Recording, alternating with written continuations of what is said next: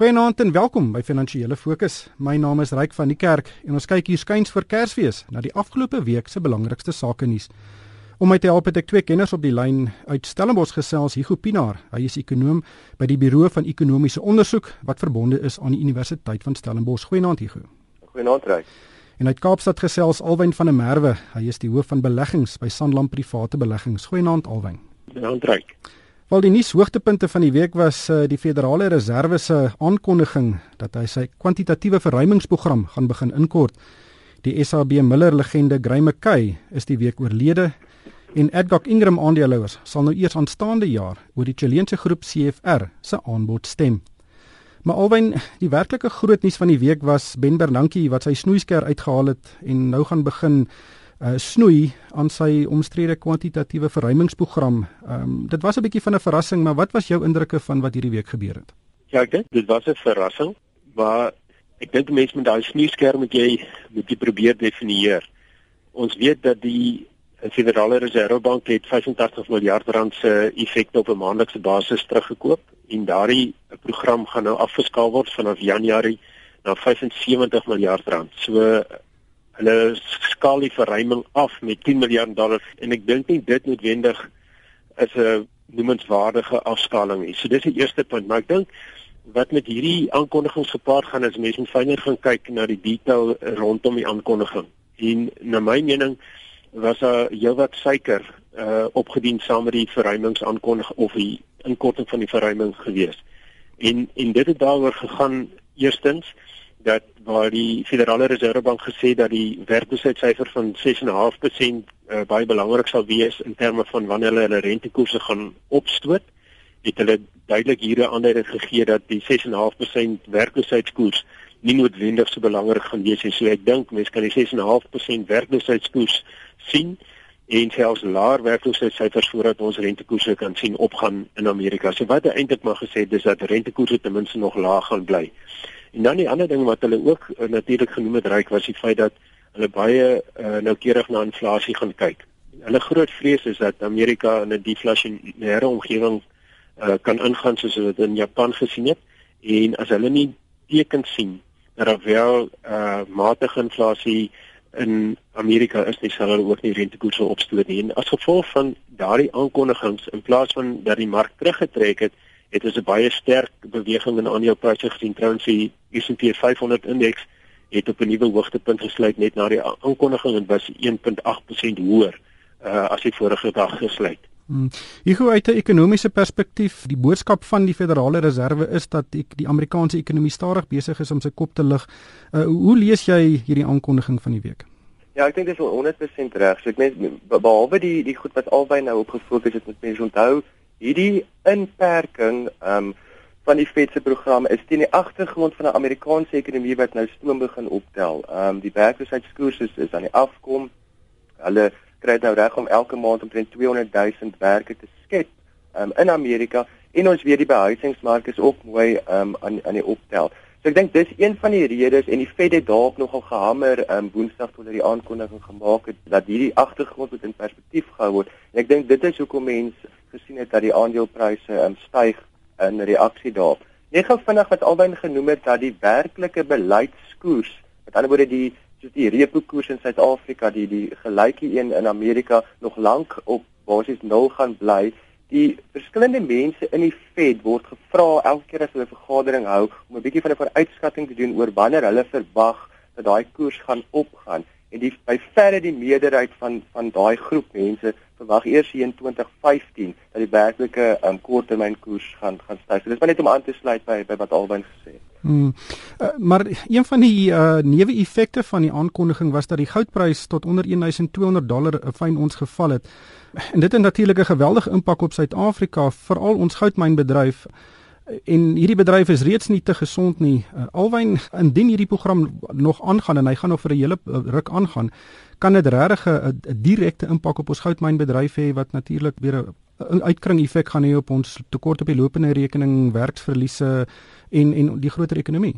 Ja, sonder twyfel. Ek ek is nie een van die mense wat reken ek kan die goudprys vooruitskat nie. Ehm um, wat ek wel weet, ek het oor die jare het ek maar metodiek ontwikkel om te kan probeer bepaal is die goudprys hoog al dan nie En vir die laaste 2 2 en 'n half jaar het ons gewaarsku dat die goudprys na ons mening hoog is.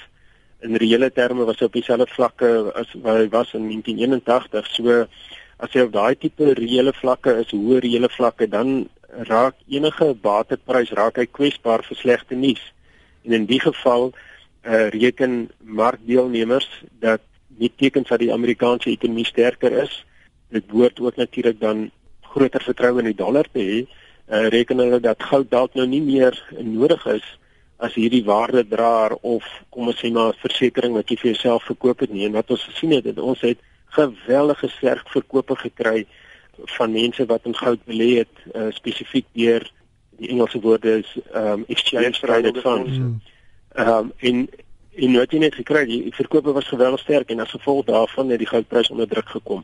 Nou dit het na my mening 'n uh, wesenlike impak op die Suid-Afrikaanse ekonomie en hier goeie waarskynlik in 'n beter posisie om op kommentaar te lewer. Een het 'n impak op die goudbedryf want dit dit bedreig die winsgewendheid van in diensneming uh, behoort dit 'n uh, impak op te hê.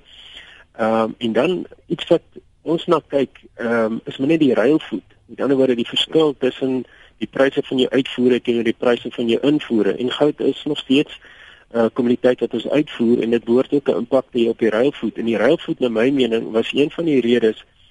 Ruilvoet was geweldig sterk geweest ehm um, vir die kom ons sê maar die afgelope 5 6 jaar as gevolg van kommoditeitspryse wat redelik hoog was. En en na my mening het dit deurgekom uh na groter inkomste op die ou en dan die verbruiker toe. En as die goudprys sou afkom gaan dit 'n impak hê op die ruilvoet en kan dit dalk ook hmm.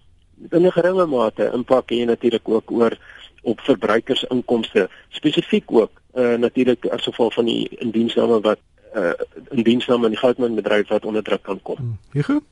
Ja, ek, ek net om aan te sluit by die ruilvoet want ek wou daai punt gemaak het. Ek dink mense moet onthou ja, dit is so die goudprys is nog steeds belangrik Maar as mens kyk na as mens nou aanvaar dat die wêreldekonomie lyk nou 'n bietjie beter en en as gevolg daarvan die risiko um, vermyding daal, so dis negatief vir die goudprys. Maar onthou, in so 'n omgewing is dit positief vir ander kommoditeite wat ons uitvoer. Uh, steenkool byvoorbeeld, ystererts wat wat na China toe gaan. So ek dink jy weet dit hang af hoe sterk die Chinese ekonomie ook hmm. nou begin optel. Maar jy mag 'n scenario hê waar As die goudprys daal omdat die wêreldprentjie beter lyk, dat van ons ander kommoditeitspryse kan styg terwyl goud daal en dan kan dit bietjie kompenseer op op die ruilvoet. Ons is nie besonder optimisties oor die vooruitsigte vir kommoditeitspryse nie, maar soos ek sê, daar mag 'n bietjie van 'n kompensasie wees. Hmm.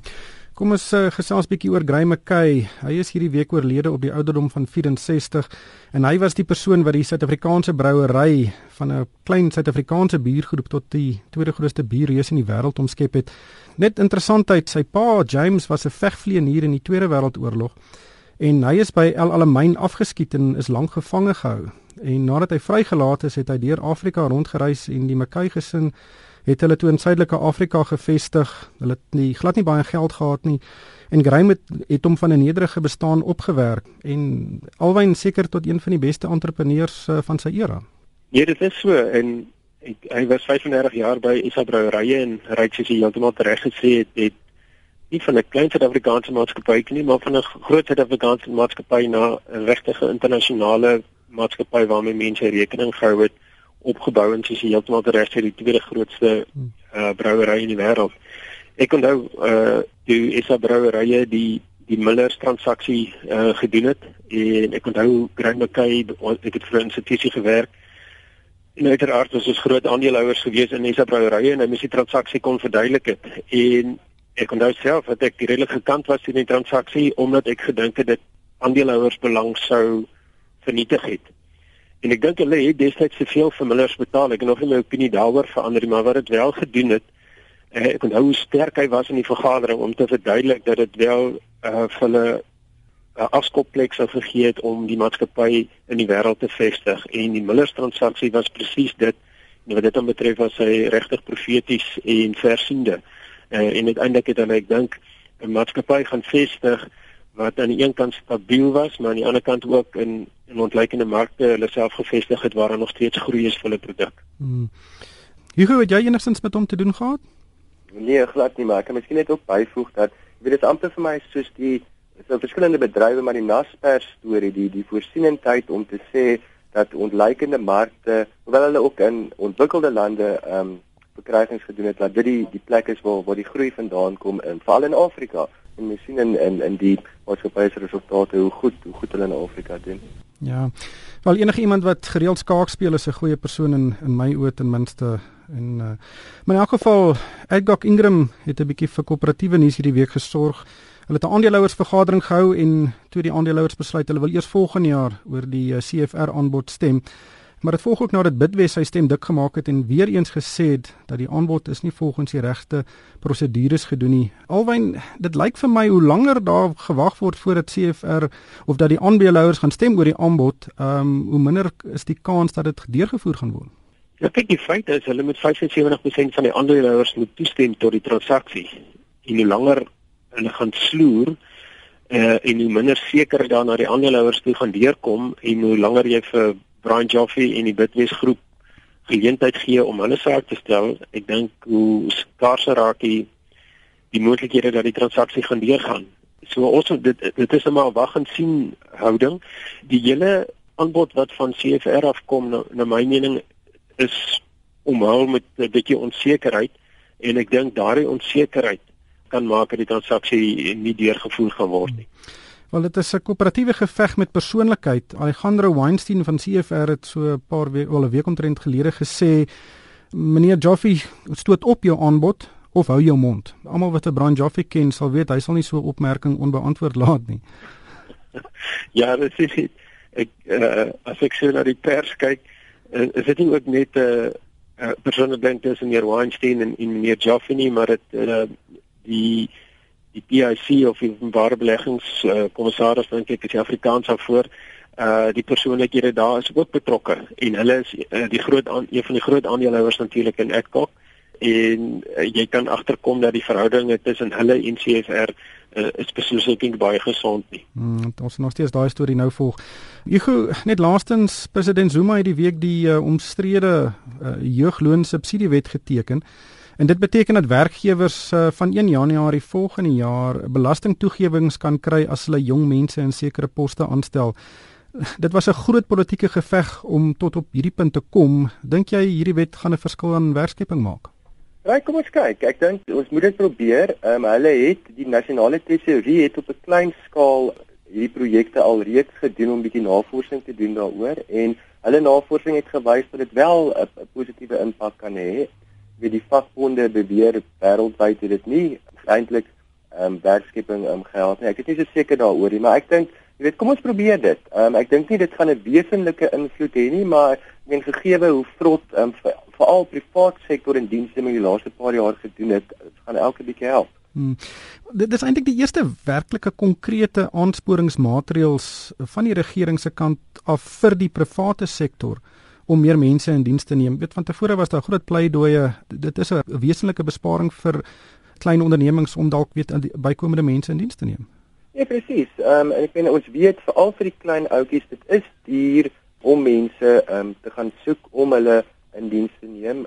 Die ding is, jy weet ons soos ons weet ons land ehm um, het nie baie vaardighede nie, so dit is moeilik om in die werksmark te kom. Ehm um, so as jy nou kom ons sê met 'n subsidie kan kry om net vir iemand 'n jaar of wat ook al 'n bietjie opleiding te gee, uh, dan hooplik dan help dit hom vorentoe um, om om 'n werk te kry. So soos ek sê, ek dink ek dink ons moet dit probeer um, en kom ons kyk. Hmm. Alwen het jy 'n mening hieroor? Ja, ek dink vir vir meeste maatskappye wanneer jy iemand in diens neem, is dit 'n ekonomiese besluit. So as jy dink jy kan geld maak uit die persoon wat jy gaan aanstel, uh, dan gaan jy die persoon aanstel en en en dit hang ook baie nou saam met jou eie vooruitskattinge van hoe sterk jou besigheid is en hoe lyk jou uh, winsvooruitsigte vir jou besigheid. Nou as jy 'n subsidie kry, dan beïnvloed dit jou opinie rondom winsgewendheid. So as hy subsidie groot genoeg is, dink ek kan dit wel 'n aansporing wees vir al kleiner besighede. Dis ongelukkig alwaar ons tyd het vanaand. Uh, baie dankie aan Nico Pinaar van die Buro van Ekonomiese Onderzoek en Alwyn van der Merwe van Sanlam en van my ryk van die kerk. Dankie vir die saamkuier en ek wens almal 'n geseënde en rustige Kersfees toe.